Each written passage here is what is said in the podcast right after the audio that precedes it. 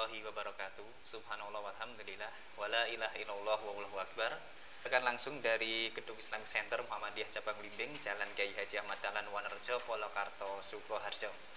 Pemirsa Tablikmu TV yang kami cintai karena Allah dan juga pendengar RDS FM Bagaimana kabar Anda hari ini? Sebelumnya kita sahabat dulu ya. Semoga semuanya dalam keadaan sehat walafiat Tanpa kurang apa pun dan terus bersemangat dalam menjalani aktivitas kita dan juga dalam menggapai berbagai macam fadilah-fadilah di bulan yang suci ini. Dan pada edisi kali ini kita sudah masuk di edisi 158 ya bersama dengan saya Fadil Hajri di sini yang akan menemani pendengar RDS FM dan juga pemirsa Tablik TV hingga nanti purna. Nah, dalam edisi kali ini kita akan membahas tentang tema yang mungkin kemarin sudah berbagai media sosial yaitu terapi Al-Qur'an di tengah pandemi corona ya mungkin ini juga menjadi sebuah tema yang hot baru ini baru-baru ini ya yang menjadi viral juga. Karena memang saat ini kita baru menghadapi corona disease ya yaitu e, profil singkat beliau beliau adalah direktur lembaga Quran Misbahul Amal Jakarta dan juga imam Masjid Misbahul Alam Jakarta. Beliau juga lulusan dari e, Pondok Pesantren Airoyah Sukabumi dan juga sempat mencicipi Eh, Jamiah Dakwah Islamiyah di Tripoli Libya dan yang terakhir juga sempat mencicipi ya, pendidikan di Libya Jakarta pula. Kita sapa dulu Assalamualaikum Ustaz. Waalaikumsalam warahmatullahi wabarakatuh. Kabar baik hari ini? Alhamdulillah. Alhamdulillah baik ya. Uh, terus semangat ya. Insyaallah. semangat.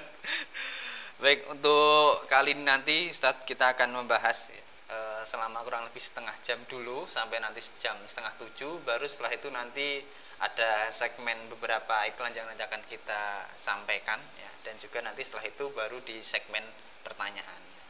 Baik pendengar, pendengar dan juga pemirsa Tablikmu TV, sebelumnya kami juga selalu tak bosan-bosannya mengajak untuk mendukung channel kami ini dengan subscribe, like, dan komen ya, serta share. Kami sampaikan bahwa selain ditayangkan melalui channel YouTube Tablikmu TV ini, siaran ini juga disiarkan di fanspage-nya Muhammadiyah cabang Blimbing dan juga di Instagramnya tablikmu.id. Anda juga bisa mendengarkan melalui 101,4 RDS FM dan juga streaming di www.rdsfmsolo.com. Itu ya pendengarnya. Jadi beberapa channel yang bisa Anda simak ya, untuk siaran kita kali ini dan juga Anda pun bisa berpartisipasi dalam jihad media bersama Tablikmu TV. Anda bisa transfer melalui rekening BNI Syariah nomor 0 0162 dengan kode banknya 027 atas nama Andika Rahmawan, Sekretaris Pimpinan Cabang Muhammadah Blimbing. Bisa di nomor 085 642 121073. Nah, tanpa basa-basi lagi ya, eh, setelah ini langsung pada beliau Ustadz Ismat di pukul setengah tujuh. Nah saja, monggo Ustadz Tafadhal. Ya. Jazakumullah khairan atas waktunya. Bismillah, Assalamualaikum warahmatullahi wabarakatuh. الحمد لله الحمد لله الكريم الرحمن علم القرآن خلق الإنسان علمه البيان. أشهد أن لا إله إلا الله وحده لا شريك له وأشهد أن محمدا عبده ورسوله لا نبي ولا رسول بعده. لقد قال الله جل وعلا في كتابه الكريم بعد العياذ بالله من الشيطان الرجيم شهر رمضان فيه القرآن هدى للناس وبينات من الهدى والفرقان أما بعد jamaah ahad pagi sahabat tablik mutifi yang dimuliakan Allah subhanahu wa ta'ala Alhamdulillah pada pagi yang berbahagia ini kita bisa dipertemukan di sini untuk kita sama-sama mengkaji ya, dan sama-sama ngaji ngaji bareng di channel YouTube dan juga di Facebook serta di Instagram ya, semoga ya dengan ini Allah berikan ilmu yang bermanfaat berikan keberkahan dalam kehidupan kita. Karena pada pagi hari nanti insya Allah kita akan mengkaji Al-Quran. Bagaimana terapi Al-Quran terhadap di tengah situasi pandemi Corona kali ini. Kemudian salawat dan salam kita haturkan pada junjungan kita Nabiullah Nabi Muhammad sallallahu alaihi wasallam dan kepada para sahabat-sahabatnya, tabi'in, tabi'ut tabi'in dan juga orang-orang salih yang senantiasa menegakkan risalahnya hingga akhir zaman nanti. Sahabat tabligh mutifi yang dimuliakan Allah Subhanahu wa taala, di bulan yang mulia ini, di bulan yang penuh berkah, bulan Ramadan, kita dianjurkan oleh Allah Subhanahu wa taala untuk memperbanyak amalan ibadah. Dan Ramadan kali ini berbeda dengan Ramadan-Ramadan sebelumnya. Karena Ramadan kali ini ya kita menghadapi sebuah musibah ya sebuah ujian dari Allah Subhanahu wa taala yaitu berupa munculnya pandemi ya, Covid-19 yang kali ini ya, cukup ya mengakibatkan banyak sekali uh, perubahan ya, di saat Ramadan yang harusnya kita bisa merasakan dan menikmati Ramadan kali ini. Dan juga di berbagai tempat, berbagai wilayah pun ya sebagian sudah tidak bisa melaksanakan beberapa amalan ibadah yang biasanya kita laksanakan di bulan Ramadan termasuk sholat tarawih dan bahkan sholat wajib pun tidak bisa melaksanakannya di di masjid karena ya, munculnya wabah ini. Maka kita sebagai seorang mukmin, sebagai seorang yang beriman kepada Allah Subhanahu wa taala, ya salah satu sikap yang dianjurkan ya dari Al-Qur'an ya, telah menjelaskan bagaimana kita harus bersabar dalam menghadapi musibah ini. Karena salah satu kunci kebahagiaan kita ya, di tengah pandemi COVID-19 ini, di tengah musibah yang sekarang menimpa kita ini adalah agar kita menjadi hamba-hamba yang bersabar. Karena dengan itulah kita bisa bahagia. Dan juga Allah memberikan musibah ini, Allah memberi ya, adalah agar kita bisa meningkatkan ketakwaan kita kepada Allah Subhanahu wa taala. Nah, musibah jadi dua hal ya. Yang pertama untuk meningkatkan derajat dia di sisi Allah Subhanahu wa taala. Untuk meningkatkan kecintaan dia kepada Allah Subhanahu wa taala. Karena dengan ujian ini otomatis sebagian terdampak ya, dari kalangan bisnismen, dari kalangan pengusaha, dari kalangan dokter, dari kalangan guru dan sebagainya semuanya terdampak. Maka dengan ujian ini berhenti semua keadaan. Ya, berhenti semua aktivitas. Sehingga yang tadinya beraktivitas seperti biasa kali ini berbeda. Sehingga dengan ini kita semoga bisa menjadi hamba yang sabar dan juga bisa menaikkan kanahu wa ta'ala dan yang kedua musibah ini bisa jadi menjadi penggugur dosa-dosa kita. Karena dengan musibah ini ya otomatis kita harus menjadi hamba yang bersabar. Sehingga dengan sabar itulah ya nantinya kita berharap bisa mendapatkan surganya Allah Subhanahu wa taala dan juga dosa-dosa kita bisa diampuni oleh Allah Subhanahu wa taala. Allah Subhanahu wa taala berfirman As-Sajdah ayat 21. Allah Azza wa Jalla berfirman A'udzu billahi minasy syaithanir rajim. ولنذيقنهم من العذاب الأدنى دون العذاب الأكبر لعلهم يرجعون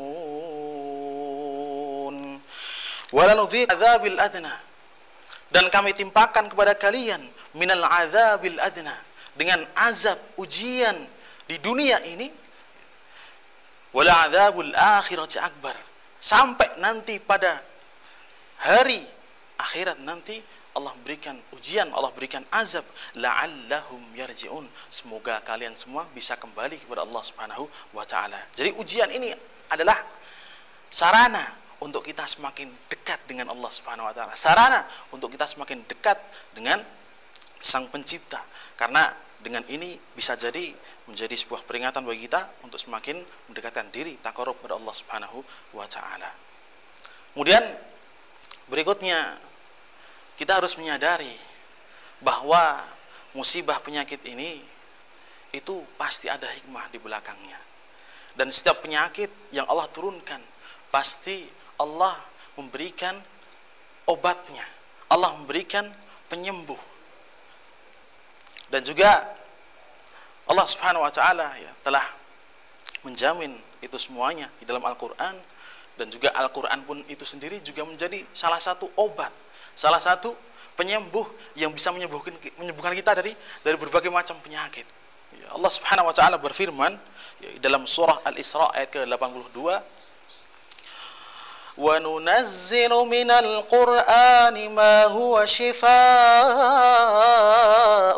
ورحمة للمؤمنين ولا يزيد الظالمين إلا خسارا وننزل من القرآن dan kami telah menurunkan Al-Quran ma huwa shifa yang mana Al-Quran itu menjadi penyembuh menjadi obat lima fis sudur warahmatul lil mu'minin dan juga Al-Quran itu menjadi rahmat bagi orang-orang yang beriman wala illa dan tidak akan bertambah bagi orang-orang yang zalim selain daripada kerugian maka kita harus bersabar ya. dan kita harus menjadikan Al-Quran sebagai salah satu obat ya, sebagai salah satu penyembuh yang bisa kita jadikan untuk menanggulangi virus yang saat ini telah tersebar di kalangan masyarakat kita.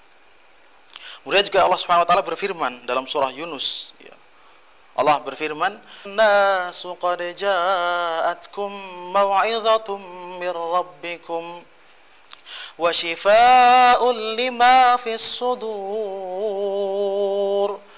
wa hudan wa rahmatun lil mu'minin." Ya ayuhan nas, wahai manusia, qad ja'atkum maw'idhatum mir rabbikum. Telah datang kepada kalian pelajaran dari Allah Subhanahu wa taala yaitu Al-Qur'an. Wa syifaa'ul lima fis sudur dan juga Al-Qur'an ini menjadi penyembuh, menjadi obat ya, bagi dada kita. Wa hudan wa rahmatul lil mu'minin dan juga menjadi petunjuk dan rahmat bagi orang-orang yang beriman kepada Allah Subhanahu wa taala. Nah, dalam tubuh manusia itu anatominya ada tiga bagian Anatomi tubuh manusia ada tiga bagian. Jasad atau fisik. Yang kedua adalah akal. Yang ketiga adalah ruh. Ilmu kedokteran, ilmu biologi, itu banyak fokus pembelajaran adalah fisik atau jasad saja. Kemudian ilmu pengetahuan umum kebanyakan hanya membahas terkait dengan akal. Namun dari dua ilmu itu jarang sekali yang membahas terkait dengan masalah ruh. Nah, selama ini penyakit biasanya itu muncul, itu menyerang dua di antara tiga hal ini, ya. yaitu masalah jasad, fisik kita, yang kedua masalah ruh. Dan jarang sekali ya, kalau penyakit daripada malas membaca, malas ngaji, ya malas untuk berpikir dan sebagainya. Itu penyakit akal. Nah berarti ruh atau jasad itu terkadang ditimpa yang namanya rasa rasa sakit. Ya, jasad ya, kita kadang merasa sakit. Dan juga ruh juga kadang kita merasa sakit. Nah sakitnya jasad bisa diobati ya, dengan obat-obat yang biasa ya kita minum. Dan juga ruh ya itu bisa kita obati dengan yaitu salah satu nutrisi yang menjadikan spiritual kita beribadah kepada Allah Subhanahu wa taala. Dan salah satunya ya, agar roh kita menjadi kuat karena ini menjadi sebuah kekuatan dari diri kita. Ya kalau jasadnya sakit ruhnya sehat bisa jadi orang ya tidak merasakan sakit karena ruhnya se sehat. Sementara jika ruhnya sakit jasadnya sehat maka terkadang orang malas untuk bergerak Orang tidak ada semangat untuk hidup, tidak ada semangat untuk beraktivitas karena ruhnya yang sakit. Makanya sebenarnya ya agar kita terhindar dan juga terapi Al-Qur'an terhadap corona ini adalah bagaimana kita bisa menjaga ruh kita dengan kita menjaga satunya dengan kita dekat dengan Al-Qur'anul Karim. Khonfidin jamaah tablikmu yang dimuliakan Allah Subhanahu wa taala. Pada zaman Nabi sallallahu alaihi wasallam Pernah ada salah satu sahabat yang bertanya terkait dengan esensi daripada roh itu sendiri. Maka turunlah ayat Al-Quran ya, dalam surah Al-Isra ayat ke-85. Allah Subhanahu wa taala berfirman wa yas'alunaka 'anir ruh. Qulir ruhu min amri rabbi. Wa ma utitum minal ilmi illa qalila ruh dan mereka bertanya tentang ruh. Qulir ruhu min amri rabbi. Katakan Allah Ta'ala, "Wa ma utitum minal ilmi illa qalila." Dan kalian tidak diberi ilmu kecuali Rasulullah mengabarkan setelah itu bahwa ruh ini ada nutrisinya. Ada yang bisa menjadikan ruh ini semakin kuat, yaitu ya dengan kita meningkatkan amal ibadah ya dan kita semakin dekat dengan Al-Qur'an itulah salah satu nutrisi daripada ruh ini. Maka pada kesempatan kali ini saya sedikit ya, berbagi saya sedikit memberikan uh, tips ya, bagaimana kita bisa bermesraan dengan Al-Quran. Bagaimana Al-Quran ini kita bisa jadikan sebagai salah satu obat. Ya, bagaimana Al-Quran bisa menguatkan ruh kita. Karena ya dengan ruh yang kuat itu akan meningkatkan keimanan dan juga bahkan nanti imun kita juga akan menjadi kuat karena karena itu. Nah, ada tiga hal ya, cara untuk kita bisa dekat dengan Al-Quran. Semakin bisa bermesraan dengan Al-Quran dan Al-Quran bisa punya pengaruh yang besar terhadap diri kita terhadap kesehatan kita. Yang pertama adalah dengan kita membacanya. Membaca Al-Quran ya karena itu adalah salah satu yang dianjurkan apalagi ya sekarang kita telah ya, sedang berada di bulan yang mulia bulan Ramadan yang mana di dalamnya kita diperintahkan untuk kita bisa memperbanyak tilawatul Quran dan bahkan ya, terbiasa untuk menghatamkan. Bahkan setiap hari bisa hatam satu kali. Al Imam Syafi'i ya, dalam sehari bisa hatam dua dua kali. Pagi hatam sore hatam. Jadi sebulan bisa hatam sebanyak 60 kali. Nah itu para sahabat dan juga para salah salafus saleh dalam bersamai Al-Quran di bulan yang yang mulia. Yang pertama adalah membacanya. Ya, Allah Subhanahu Wa Taala berfirman di dalam surah Al-Baqarah ayat 100 ke 121 Allah Subhanahu Wa Taala berfirman الذين آتيناهم الكتاب يتلونه حق تلاوته أولئك يؤمنون به ومن يكفر به فأولئك هم الخاسرون الذين آتيناهم الكتاب orang-orang yang diberikan Alkitab yaitu Al-Qur'anul Karim yatlunahu haqqa tilawati mereka membacanya ya, dengan yang sempurna ulaika yu'minuna bih maka mereka itu adalah orang-orang yang beriman Bihi faulaika.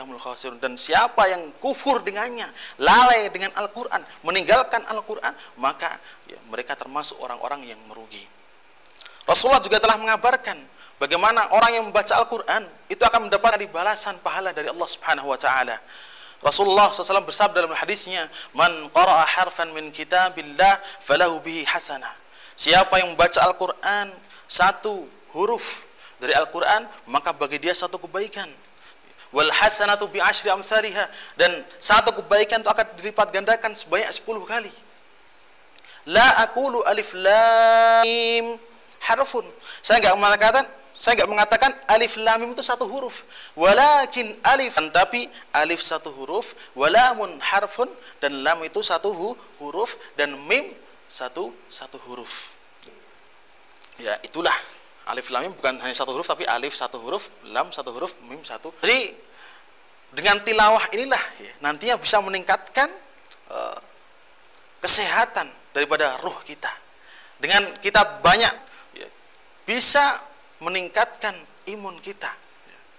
dan dengan itulah kita bisa menaikkan derajat kita di sisi Allah Subhanahu wa taala karena balasan pahalanya sangat besar. Balasan pahala dari Allah sungguh sangat luar biasa. Apalagi di bulan Ramadan ya, dilipat gandakan sebanyak apa yang telah Allah janjikan. Kemudian terkait dengan membaca Al-Quran ini perlu diperhatikan karena sebagian di antara kita ya, terkhusus bulan Ramadan ini ya mengejar banyak sekali khatam namun ya ternyataannya banyak yang salah bacaannya banyak yang uh, tidak sesuai dengan kaidah tajwid. Maka kita pun juga harus memperhatikan ini ya, karena ya, hatam baik. Ya.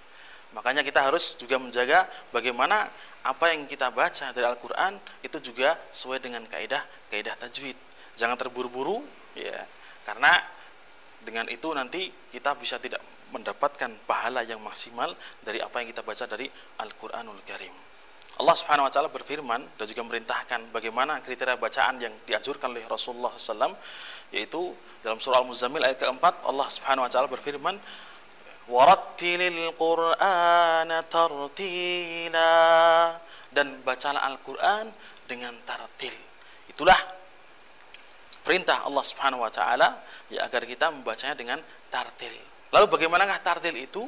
Tartil itu yaitu ya, dengan kita membacanya seperti yang disampaikan oleh sahabat Ali bin Abi Thalib yaitu tajwidul hurufi yaitu dengan kita memperba memperbagus huruf ya, yaitu sesuai dengan makharijul hurufnya dan juga sesuai dengan sifat-sifatnya ma'rifatul wukuf dan juga mengetahui tempat berhenti serta itu ya, menurut sahabat Ali bin Abi Thalib. Jadi cepat atau dalam istilahnya ya, itu ada tingkatan hadir ya, yang cepat ya namun tetap memperhatikan kaidah-kaidah tajwid yang telah dipahami. Jadi itu yang pertama ya, agar kita bisa kuat rohnya yaitu dengan kita membaca Al-Qur'anul Karim. Kemudian yang kedua yaitu ya, dengan kita mendengarkannya. Ya, karena dengan mendengarkan bisa jadi ya, itu menjadi penguat daripada roh kita. Bisa jadi itu daya kita. Ya, karena dahulu para sahabat-sahabat Rasulullah pun juga sama Ya, itu mendapatkan hidayah lantaran mendengarkan ayat suci Al-Quran. Bisa mendapatkan pelecut agar semakin dekat dengan Allah karena mendengarkan Al-Quran. Allah Subhanahu wa taala berfirman dalam surah Al-A'raf ayat ke-204 وإذا قرئ القرآن فاستمعوا له وإذا قرئ القرآن فاستمعوا له وأنصتوا وأنصتوا لعلكم ترحمون dan jika dibacakan Al-Qur'an wa idza quri'al Qur'an fastami'u lahu dengarkan Al-Qur'an la'allakum turhamun semoga saja ya agar Allah Subhanahu wa taala memberikan kepada kita rahmat la'allakum turhamun jadi dengan baca Quran dengan mendengarkan Al-Qur'an itu bisa mendapatkan rahmat dari Allah Subhanahu wa taala dan juga salah satu rahmatnya adalah bagaimana kita bisa kuat ruhnya dalam menghadapi kehidupan dan apalagi di tengah situasi pandemi ini. Kemudian yang ketiga adalah dengan kita mentadaburi Al-Qur'anul Karim. Allah Subhanahu wa taala berfirman dalam surah Sot ayat ke-29. Kitabun anzalnahu ilaika mubarakun liyadabbaru liyadabbaru ayatihi wa liyatadhakkara ulul albab. Kitabun anzalnahu ilaika. Al-Quran yang telah kami turunkan kepada kalian Mubarakun Mendapatkan berkah lihat dabbaru ayatihi agar orang-orang itu mentadaburi Al-Quran lihat dabbaru ayatihi waliyatadzakkara ulul albab dan bisa mengambil pelajaran orang-orang yang mau berpikir.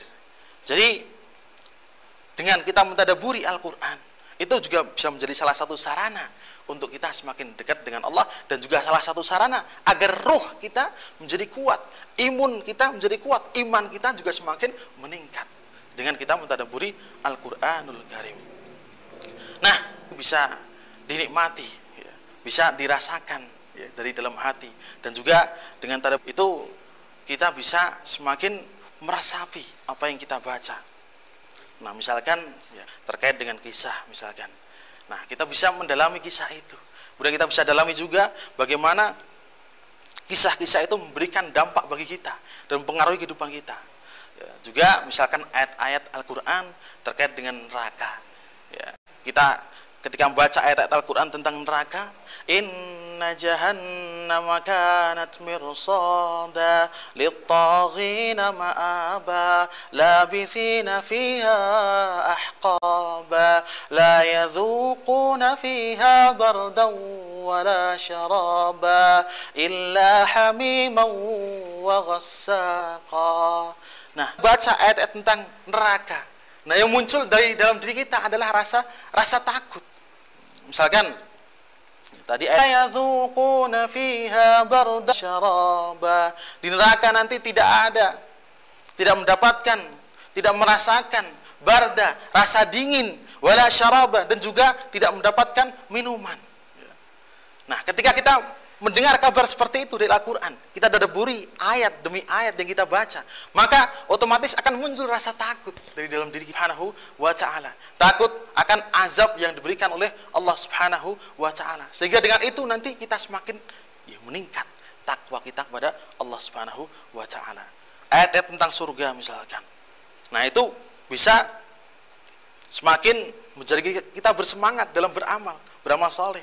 Misalkan Inna lil muttaqina mafaza hadaiqa wa a'na wa kawa'iba atraba wa dihaqa. Ya. Misalkan orang-orang yang bertakwa nanti di surga, dia akan ya, seperti ya, tadi yang saya sebutkan dalam beberapa ayat hadaiqa wa anaba. Dia akan mendapatkan dan merasakan bagaimana kebun-kebun yang luas, yang indah dari Allah Subhanahu wa taala. Wa anaba dan juga yang mana nikmat-nikmat surga itu mala ainun ra'at. Ya, mata itu nggak pernah melihat. Ya. Wala udhunun samia dan telinga tidak pernah mendengar. Wala khatara ala qalbi. Ya, terfikirkan pikiran kita itu memikirkan suatu yang nikmat itu lebih dari itu semuanya. Kita mendengar suatu makanan yang bayangkan kebun taman yang sangat ya, menyejukkan itu tidak ada apa-apanya dibanding dengan surga yang Allah janjikan. Sehingga dengan itu, ya, dengan ayat-ayat surga yang kita baca, kita tadaburi satu ayat demi ayatnya, sehingga akan meningkatkan rasa takwa kita kepada Allah Subhanahu wa taala karena kita berharap untuk bertemu dengan surganya Allah Subhanahu wa taala. Rasa khauf, rasa roja, rasa takut pada azab Allah, rasa roja berharap pada nikmat-nikmatnya Allah, berharap pada surganya Allah itu akan menimbulkan atau akan menjadikan rasa mahabbah dalam diri kita, rasa cinta kita kepada Allah Subhanahu wa taala sehingga dengan itu ruh kita menjadi kuat ya. Jasad kita pun juga akan ikut menjadi kuat. Imun kita akan menjadi kuat karena kita dekat dengan Al Al-Qur'an. Karena kita ya sebegitu mesranya dengan Al Al-Qur'an apalagi di bulan yang yang mulia itu bulan Ramadan ini.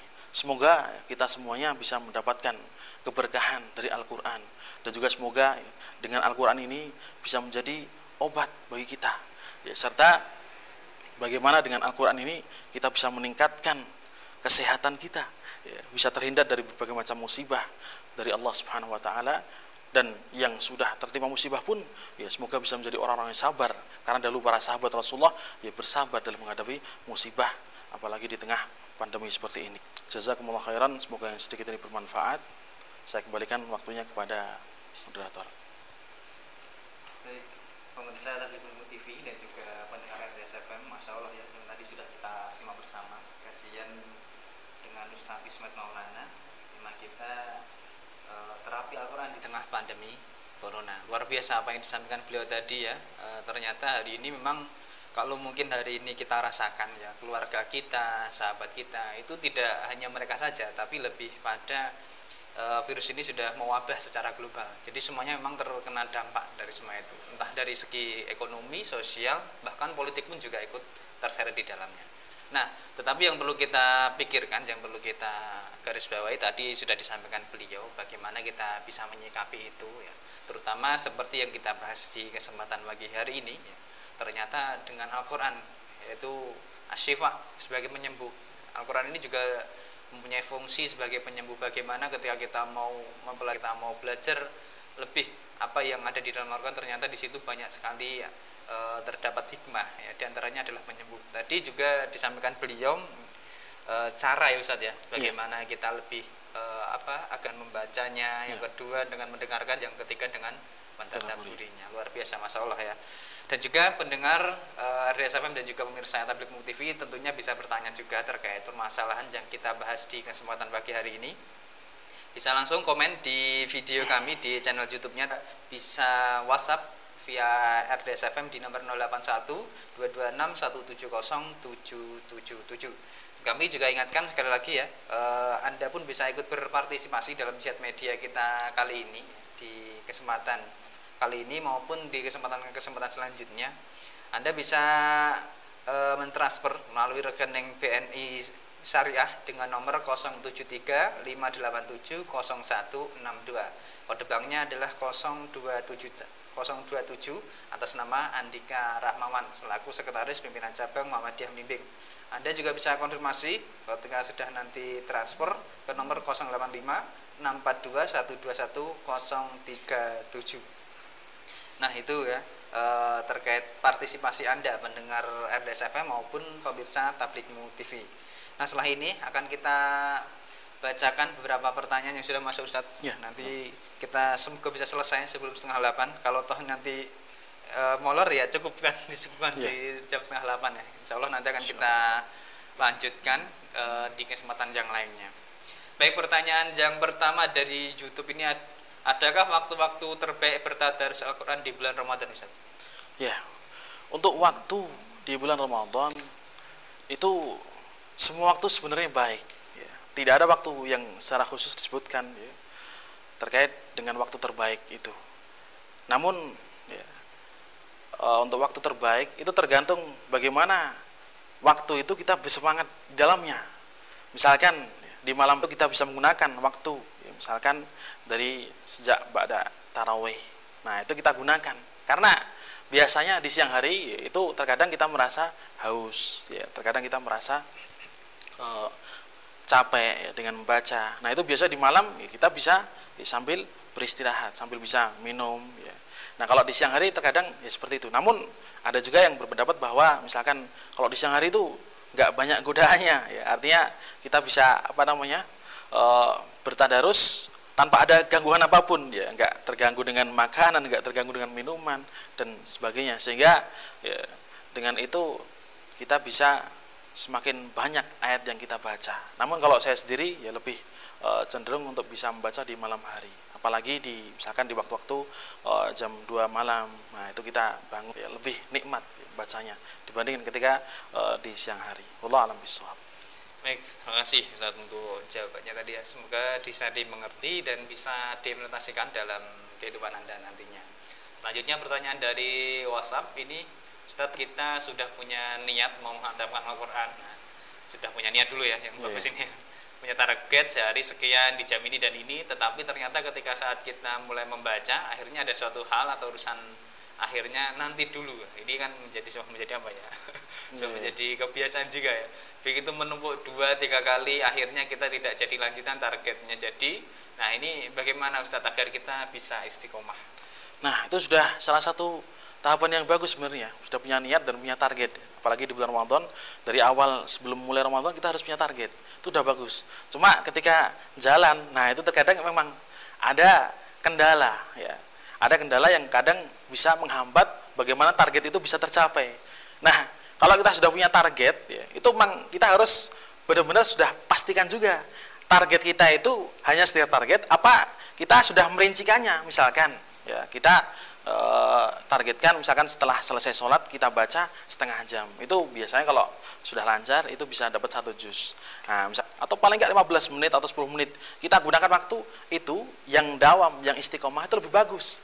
Ya ya meskipun apa namanya muncul berapa eh, gangguan kalau kita sudah niatkan misalkan setiap selesai sholat itu 10 menit atau 15 menit kita sudah tekadkan itu insya Allah bisa berjalan namun ya terkadang ya namanya syaitan ya terkadang syaitan juga banyak waswisnya ya, banyak menggodanya ya.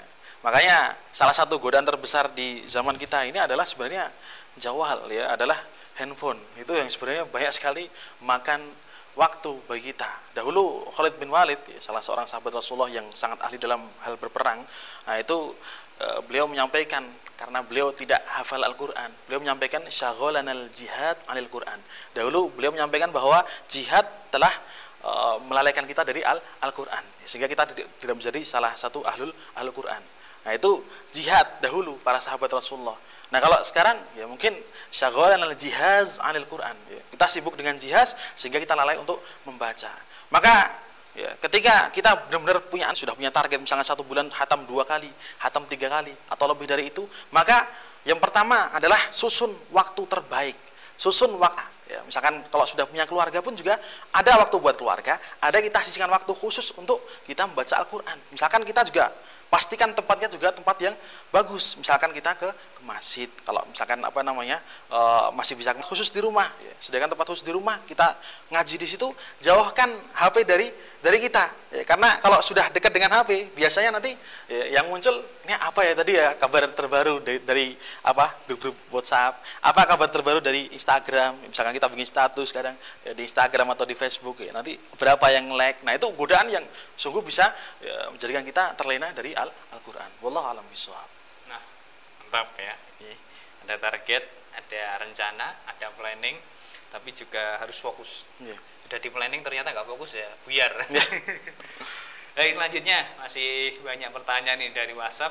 Ustaz, kadang ada orang atau teman yang menyamar terburu-buru ya tadi ya seperti disampaikan tadi wala tuharim bihi di sana. Tapi dalil dan pernyataan itu dipakai untuk gembosi kita kita yang punya target hatam kiroah. Hmm. katanya yang penting itu ngaji dipahami orang mau cocok apalagi harus ditarget. Nah ini e, dari segi pandang Ustaz bagaimana? Ya ini pernah disampaikan ya, oleh Syekh Abdul Aziz Al-Tarifi ya, dalam beberapa uh, artikel yang disampaikan oleh beliau itu beliau ditanya ya, apakah lebih baik mana kita mentadaburi Al-Quran selama Ramadan apakah kita semakin banyak menghatamkan? Nah beliau menyampaikan bahwa kita di Ramadan itu memang lebih dianjurkan untuk kita memperbanyak hatam. Perbanyak hatam di sini artinya ya kita ya tetap mentadaburi juga meskipun hanya satu ayat satu hari. Ya, itu nggak apa-apa. Tapi yang jelas di Ramadan itu dahulu para sahabat Rasulullah memperbanyak untuk uh, hatam ya, memperbanyak untuk membaca atau tilawatul tilawatul Quran. Nah untuk masalah tadi ya bagaimana uh, kadang uh, dengan baca sesuai tajwid itu menggembosi. Sebenarnya nggak menggembosi ya, namun uh, kalau kita baca dengan bacaan yang salah itu juga nanti bisa berakibat fatal. Ya misalkan nih kita baca karena terburu-buru. Ya. li rabbika wanhar. Dengan bacaan fasalli li rabbika wanhar. Nah, jadi kadang kalau terburu-buru makharijul huruf nanti tidak sempurna. Ya, berapa huruf berubah makhrajnya. Dan bahkan terkadang nanti bisa merubah makna dari ayat itu. Itu kan bahaya. Ya, makanya sebenarnya kalau Ramadan sih mungkin ya, nggak masalah kita lanjut tilawah terus saja tapi nanti kalau bisa di bulan-bulan yang lainnya kita juga sempatkan waktu untuk belajar ya, bagaimana belajar makharijul huruf, bagaimana sifat-sifat huruf, bagaimana hukum-hukum tajwid. Sehingga meskipun kita baca dengan cepat, ya, kayak tadi saya sampaikan ada marhalah atau ada tahapan yang namanya hadir. Hadir itu bacaan cepat, ya, namun dia tetap memperhatikan tajwid, nggak masalah. Kayak misalnya beberapa imam di Masjidil Haram itu juga ada, ya, dia memperhatikan ta tajwid, ya. Perhatikan tajwid artinya tetap ya, tidak melanggar etika-etika tajwid. Kayak tadi misalkan fasol li rabbika wanhar. Kita baca dengan wanhar. Ya, beda sedikit saja ha dengan ha. Artinya Masya Allah sangat berbeda sekali. Fasolli maka sholatlah li rabbika untuk Tuhanmu wanhar dan sembelihlah kurban. Artinya berkurbanlah untuk Allah Subhanahu wa taala. Itu kalau ha yang benar. Tapi kalau, kalian baca ya, kita semua baca dengan ha fasalli li rabbika wanhar ya, fasalli maka salatlah kalian li rabbika untuk Allah Subhanahu wa taala wanhar dan hardilah. Nah, ini kan berbahaya ya, maknanya merubah, bisa berubah dan juga bahkan nanti bisa ya kita masuk dalam ranah salah jali yang bisa merubah makna Al-Qur'an itu sangat berbahaya. Wallahu a'lam bissawab. Terima kasih Ustaz ya. Tadi uh, ini sebagai pengetahuan buat kita semuanya tentunya ya. Bagaimana di bulan Ramadan ini ada target haftam tapi ya. tetap tidak melupakan daripada khairul hurufnya juga. Ya. Pertanyaan selanjutnya, Ustaz dalam hal penyakit dia ya, termasuk wabah corona ini apakah termasuk bisa juga Al-Quran menjadi obatnya? Maksudnya tidak sebatas penyakit hati tadi yang sudah disampaikan ya. Jadi hmm. mungkin Al-Quran ini apakah bisa juga mengobati dari segi fisik jasad kita ya tidak melulu masalah hati apakah juga bisa? Ya ini terkait dengan keyakinan ya. Kita sendiri memang harus yakin bahwa Al-Quran itu sebagai syifa ya sebagai penyembuh dari berbagai macam penyakit. Sehingga ya, ketika kita benar-benar berpasrah pada Allah Subhanahu wa taala dan juga kita yakin ya dengan itu serta tetap ya menjaga apa yang dianjurkan oleh pemerintah ya melalui Kementerian Kesehatan. Misalkan kita tetap menjaga jarak ya, terus juga kita apa namanya menggunakan masker kita bepergian.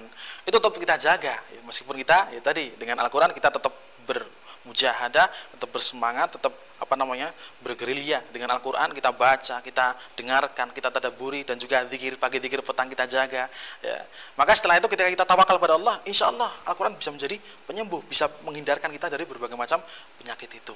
Itu dengan izin Allah Subhanahu wa Ta'ala. Allah alam bisawab dan juga mungkin keyakinan kita ya. kita yakin kepada Allah Subhanahu wa taala insya Allah akan menjadi penyembuh dan bahkan ya mungkin ya Allah alam ini kabar ya, saya dapatkan kemarin itu ada di Sulawesi itu ada yang sudah positif ya COVID-19 nah itu dia selama masa karantina itu menjaga sholatnya menjaga zikirnya menjaga tilawatil Qur'annya itu berjalan ya, terus selama karantina sehingga akhirnya dia menjadi salah satu pasien yang bisa sem sembuh ya. jadi Allah alam bisawab ya. Tapi yang jelas kita tetap yakin bahwa Al-Quran itu bisa menjadi penyembuh bagi berbagai macam penyakit.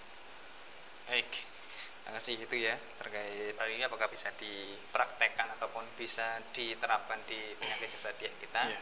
Itu sudah gamblang penjelasan dari beliau. Bahkan sudah ada kasus juga ya. Yeah. Kasus juga. Pertanyaan selanjutnya masih dari WhatsApp. Bagaimana dengan orang yang sekarang itu Al-Quran tidak perlu dihafalkan Dis, Android yang semuanya bahkan kitab-kitab hadis itu sudah disimpan di memori hard disk. Kalau zaman Nabi kan tidak ada jadi harus dihafal. tidak ada. tidak ada ya. Jadi tetap misalkan sekarang sudah ada di mana-mana ya, di YouTube juga sudah lengkap semuanya. Mau korek mana aja ada mau yang model gimana ada semuanya tetap ya kita ya harus menghafalkan ayat Al-Quran ya, karena itu salah satu wasilah ya, agar kita semakin dekat dengan Allah Subhanahu Wa Taala. Karena ahli Quran ya mereka itu biasanya hari-harinya diliputi dengan Al-Quran. Baik secara apa namanya tadi mentadaburi ataupun mendengarkan ataupun juga membaca Al-Quran. Jadi nggak bisa ya kalau orang berpemahaman seperti itu ya salah saya bilang. Tidak bisa. Ya orang yang apa namanya uh, cuma mikir oh sekarang udah cukup nggak usah pakai apa namanya ngafal-ngafal segala. Kita sudah ada alat semuanya ada. Ya. semaju apa pun teknologi yang nanti akan berkembang bahkan kalau ada misalkan kayak sekarang ada apa namanya uh, boneka atau apa namanya yang seperti mainan anak itu yang hafiz itu kan itu bisa ngaji. Kalau kita suruh ngaji 30 juz bisa ngaji. Tapi itu tidak jadi cerminan bagi kita karena kita itu apa yang ada dalam ruh kita ini yang menjadi uh, nilai di sisi Allah Subhanahu wa taala. Baik, terima kasih ya tadi ya mengutip daripada fenomena hari ini tadi mungkin uh, keperbandingan perbandingan zaman dahulu dengan zaman ini ya ini yeah. lebih canggih apakah menggugurkan daripada hafalan kita ternyata tidak. juga tidak ya. Baik, selanjutnya Eh, banyak di antara pasien positif COVID-19 ini yang dirawat di rumah, nah, tidak di rumah sakit. Nah, bolehkah jika dirukyah Ustaz ya? Atau ayat atau surat atau doa apa saja yang harus dibaca? Mohon doanya juga Ustaz agar wabah COVID segera diangkat. Ya, untuk yang sudah positif ya seperti yang sudah saya sampaikan tadi, itu untuk menjaga ibadahnya. Ya, semakin dekat dengan Allah, maka ruhnya itu akan semakin kuat. Insya Allah ketika ruh itu kuat, maka ya penyakit itu pun juga salah satu makhluknya Allah ya, sehingga ketika penyakit ya, atau virus COVID ini menghinggap dalam diri kita, insya Allah itu kan juga makhluk Allah yang takut kepada Allah Subhanahu Wa Taala. Sementara kita berdoa agar penyakit itu bisa pergi, maka insya Allah dengan izin Allah Subhanahu Wa Taala, kalau Allah mengizinkan, maka penyakit itu bisa pergi dari dari kita.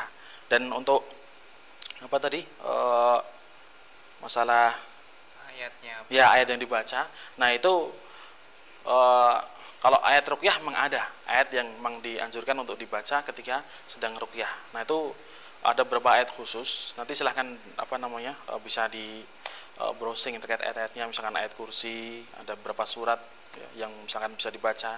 Nah itu bisa dibaca misalkan ayat-ayat kursi, ayat-ayat rukyah, ya, ataupun didengarkan juga nggak masalah. Ya bisa baca e, dengarkan dan juga ditadaburi. Insya Allah tiga hal tadi yang menjadi solusi agar kita bisa terhindar dari berbagai macam penyakit. Nah, baik. Selanjutnya oh, ini ini hampir mirip ya pertanyaannya. Ustadz mana yang lebih baik mengejar hatam al hatam Al-Quran ataukah mempelajari tafsirnya? Nah ini tadi sudah saya sampaikan ya. Tadi Syekh Abdul Aziz Atarifi juga sudah menjelaskan bagaimana ya kita lebih banyak dianjurkan ya, di bulan yang mulia ini untuk lebih uh, memperbanyak tilawah Al-Quran sehingga hatam lebih diutamakan dibanding untuk tadabur. Tapi tetap ya jangan lupa untuk tetap mentadaburi Al-Quran ya agar ya hati kita juga semakin hidup. Karena kalau cuma baca kadang kurang sempurna ya baca. Baca saja kadang kita nggak paham ya kalau sudah mungkin yang sudah paham bahasa Arab mungkin enak baca aja udah enak karena udah paham.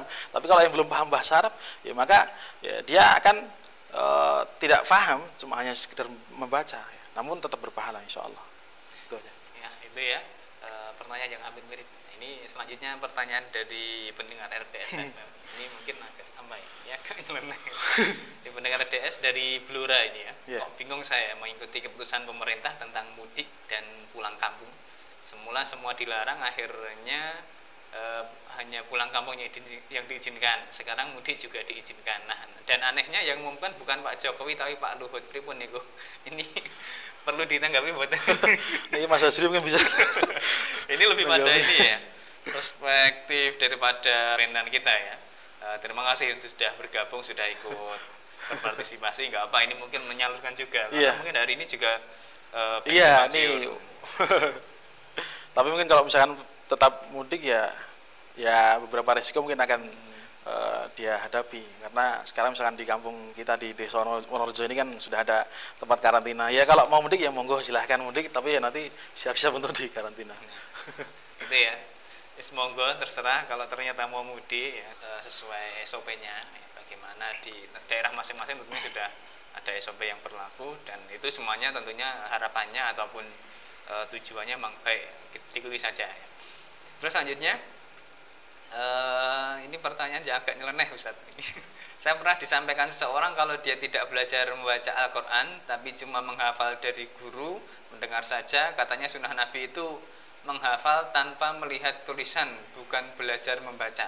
Bagaimana pemahaman seperti ini Ustaz? Nah ini hari ini mungkin ini Kalau ya, jadi belajar. menghafal tanpa eh, bukan belajar membaca ya, tanpa Iya. melihat tulisannya. gitu. Nah, sebenarnya eh, merupakan salah satu kewajiban bagi seorang yang belajar Al-Qur'an itu ada guru, ya. Harus ada guru yang mendampinginya. Termasuk sekarang kan sebenarnya juga kalau gurunya YouTube atau gurunya dari apa namanya? media sosial ya, dan sebagainya. Itu sebenarnya nggak masalah, bisa ya, metode seperti itu. Namun tetap yang paling afdol adalah kita bisa bertatap muka dengan eh, guru secara langsung ya. Karena dengan itu nanti ya, keberkahan itu akan turun dari guru kita kepada diri kita. Ya. Kalau secara online ya ada salah, ya, ada yang perlu disampaikan dari nasihat-nasihat guru itu kadang suatu yang terlalaikan ketika belajar online itu nggak ada seperti itu. Maka eh, tetap ya, guru kita jadikan sebagai eh, prioritas dalam kita belajar Al-Qur'an dan juga kalau mau menghafal Al-Qur'an sebenarnya yang paling apa namanya? tepat adalah kita belajar tahsin dulu. Ya karena kalau sudah menghafal namun hafalannya salah, itu nanti bisa berakibat fatal ya. Karena misalkan kalau misalkan apa namanya? hafalan kita salah, nah itu kita merubahnya itu susah karena sudah ter- terlanjur hafal. Maka kita dianjurkan untuk belajar tahsin dulu ya pelan-pelan sambil memperbaiki. Nah, terus juga kita misalkan pun menghafal ya tadi kita harus dampingi dengan guru yang bisa membenarkan mana yang sah, salah. Wallahu a'lam bishawab. Eh, terima kasih Ustaz ya tadi terkait dengan eh, metode pembelajaran ini ya. Tentunya memang lebih afdolnya seperti yang disampaikan tadi perlu ada sebuah pendamping, ada seorang pendamping atau seorang guru ya. Ketika memang eh, dalam sebuah pembelajaran itu nanti tentunya koreksi-koreksi dari beliau langsung bisa diterapkan berbeda kan mungkin kalau kita hanya belajar lewat eh, apa sosmed ya belajar secara eh, apa langsung ya. kadang mungkin kita hanya ada sebagian-sebagian yang hilang ya Iya, kita iya. langsung percaya begitu saja gitu. terus selanjutnya ini bolehkah kita membacakan ayat-ayat laknat untuk merupiah para penguasa negeri kita yang tidak serius menangani wabah corona bisakah rukyah dibaca dari jarak jauh saya sudah jengkel sekali Ya tidak boleh ya. Kita tetap mendoakan yang terbaik untuk pemimpin kita, penguasa kita.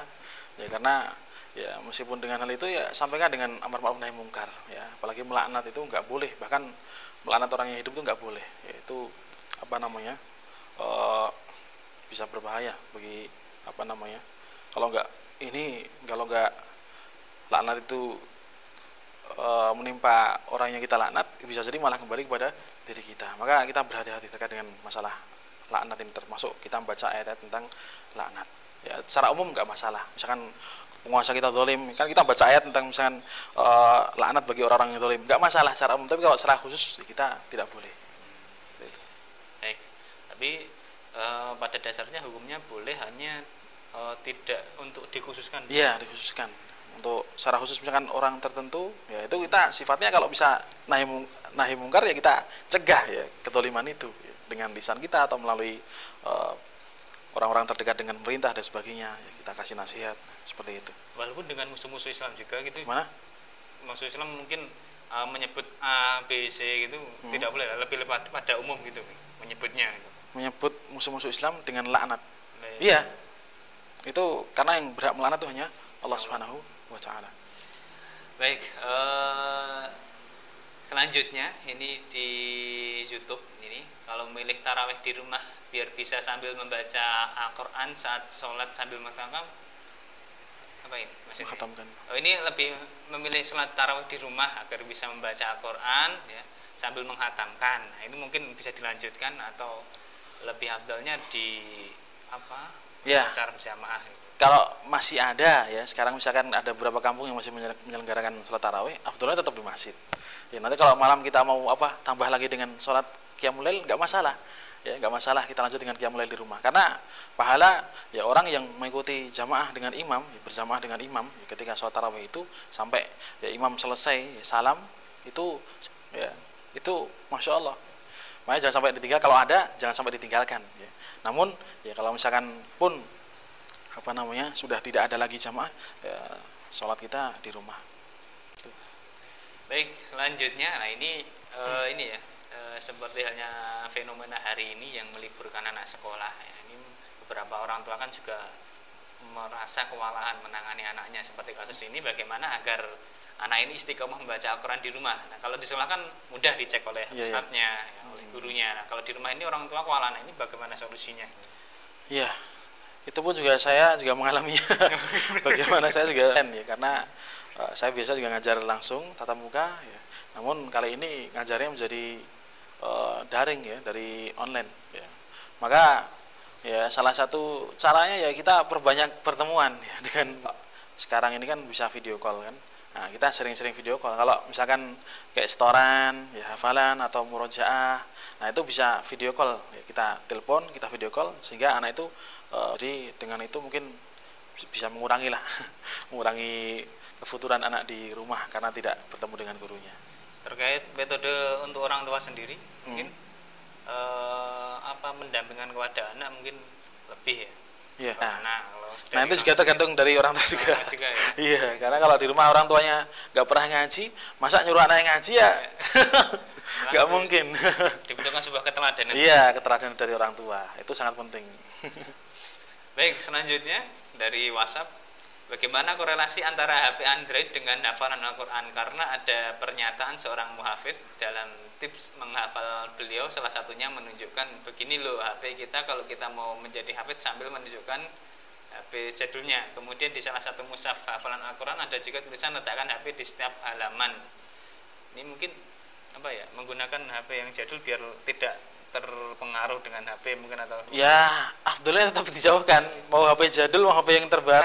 Nanti kalau HP jadul kan kadang kita misalnya nggak pakai WA pakai SMS ya nanti SMS datang bunyi tulit-tulit atau bergetar. Nah itu biasanya ntar juga menjadi pengganggu penghambat. Maka jauhkanlah dari kita. Misalnya kita di rumah atau misalkan di masjid ya sudah HP-nya tinggal di rumah kita ke masjid.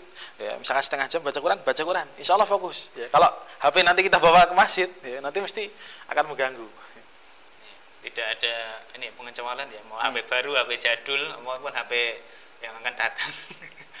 Selanjutnya wanita wanita biasanya terhalang menstruasi. Bagaimana kalau seandainya minum obat penunda haid di bulan Ramadan? Ya ini saya takut aja takut kalau nanti ya tidak kesehatan. Nah itu apa namanya tetap sajalah biar berjalan seperti apa yang telah ya, Allah ya. gariskan. Iya nggak usah kita terlalu ini. Karena emang itu tabiat wanita seperti itu ya nggak bisa dipungkiri lah ya. Itu ya untuk ya. perempuan ya walau alam tentunya ya, ketika perbanyak pikirannya. Ada ada amalan lain ya. yang bisa dilakukan ya, ya. terus selanjutnya dari Gemolong Mas Udin bagaimana ibadah sholat taraweh atau jumat dengan sembunyi? Maksudnya gini ketika mau sholat mau masuk bulan Ramadan takmir mengumumkan bahwa tidak ada sholat taraweh atau jumat di masjid tapi di rumah tapi di tengah jalan takmir melakukan sholat taraweh jumat diam-diam agar jamaah tidak banyak. Ini gimana Ustaz? ini fenomena ya. Hari ini mungkin e, beberapa masjid ditutup. Hmm. itu atas anjuran pemerintah. Tapi ternyata secara diam-diam ada ya kalau masjid yang secara apa namanya tadi di awal takmirnya sudah menyampaikan kalau nggak ada sholat taraweh Nah di tengah jalan takmirnya ada yang sendiri gitu kan untuk ada kan agar sembunyi-sembunyi ya. uh, biar tidak banyak jamaahnya yang datang. Oh ya ya ya. Ya afdolnya tetap misalkan apa namanya sesuai dengan apa yang disampaikan aja ya. Pun misalkan ini ya nggak usah di share juga ya. Misalkan untuk apa namanya misalkan ada berapa jamaah misalkan lima atau enam jamaah di masjid ya nanti harus apa namanya uh, berhati-hati Ya, itu ya hari ini mungkin eh, apa ya beberapa masjid harus apa istilahnya ditutup sementara. Karena ini anjuran dari pemerintah ya. Terlebih masjid-masjid yang berada di pinggir jalan besar. Ya, takutnya ada eh, orang yang transit atau orang Ya. dari luar ikut berjamaah di situ ya. Akhirnya eh, beberapa masjid harus ditutup dan pindah ke rumah masing-masing atau dengan eh, jamaah terbatas hanya orang kamu yang boleh di Hmm. Terus selanjutnya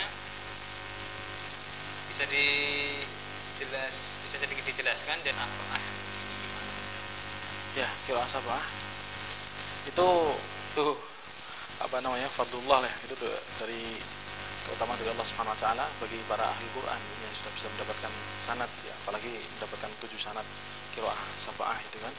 Nah itu kalau contoh ya misalkan nih bisa kita baca uh, dalam surah Al-Fatihah ya, itu ada uh, biasanya kita bacanya dengan uh, panjang nanti ada riwayat lain itu apa namanya dengan cara pendek. Saya sendiri belum mendapatkan itu ya. Jadi apa namanya masih belajar juga dan saya masih uh, berusaha untuk menyelesaikan setoran dari riwayat Imam Hafiz an Asim. Jadi untuk tujuh kiroah saya belum sampai ke sana. Jadi masih satu kiroah dulu kita apa namanya pusatkan dulu di situ nanti baru kita bertambah uh, kiroahnya. Nah itu misalkan di surah Al-Fatihah ya ada kata Malik Yaumiddin ya. Itu biasanya kita baca dengan riwayat Imam Hafiz yaitu Maliki yaumiddin. Nah, kalau di riwayat lain itu bisa jadi pendek ya. Misalkan Maliki yaumiddin ya. Ihdinas siratal mustaqim. Itu dalam riwayat Hafs. Ya, kalau riwayat lain bisa juga dibaca dengan ihdinas siratal mustaqim. Jadi berapa apa namanya? Kayak misalnya panjang pendek, terus juga berapa eh, kaidah itu bisa berubah dalam bacaan Al- Al-Qur'an itu berapa contoh saja ya, tapi yang jelas untuk mendalami itu ya, ya butuh juhud yang besar ya apalagi kalau sudah ngambil kira sabah itu biar juga itu Baik, eh, selanjutnya di channel YouTube ini adakah tips yang bisa diterapkan agar malam itu di, ketika kita tilawah itu tidak mengantuk? Ketika malam itu Ah. biar tidak mudah mengantuk itu.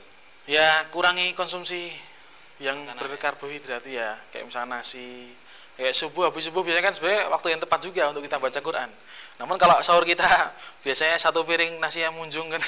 Nasi yang banyak itu biasanya ntar habis subuh ya secara tabiatnya ya akan ngantuk ya. Kalau banyak makan ya banyak ngantuk. Nah, sahabat dahulu dan juga Rasulullah itu merintahkan ketika 10 hari terakhir untuk mengencangkan sarungnya artinya ya salah satu apa cara untuk mengencangkan sarung itu ya dengan kita eh, tidak memperbanyak Makan makan, gitu ya.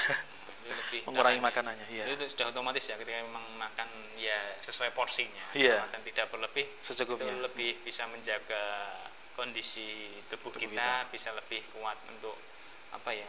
eh, ngaji iya tadi Quran. membaca Al-Qur'an di malam hari. Terus selanjutnya masih adakah pertanyaan di sini? Oh, namanya sudah habis ini ya Mas Masjid ya? Sudah habis namanya Ustaz ya. Ini tadi beberapa pertanyaan di channel YouTube dan juga di line WhatsApp. Masya Allah luar biasa untuk kesempatan kali ini. Terima kasih atas partisipasinya. Mungkin ada sebuah closing statement Ustaz ataupun kesimpulan di kesempatan pagi hari ini. ya tadi seperti yang sudah saya sampaikan ya terkait dengan tiga hal tadi ya untuk dijaga dan juga diamalkan yaitu yang pertama tilawah. Di bulan Ramadan ini perbanyak ya tilawah kita hatam ya satu kali hatam itu udah paling ya minim sekali. Itu bisa kita targetkan agar Ramadan ini bisa satu kali hatam tilawatul Quran. Yang kedua dengarkan Al-Quran ya.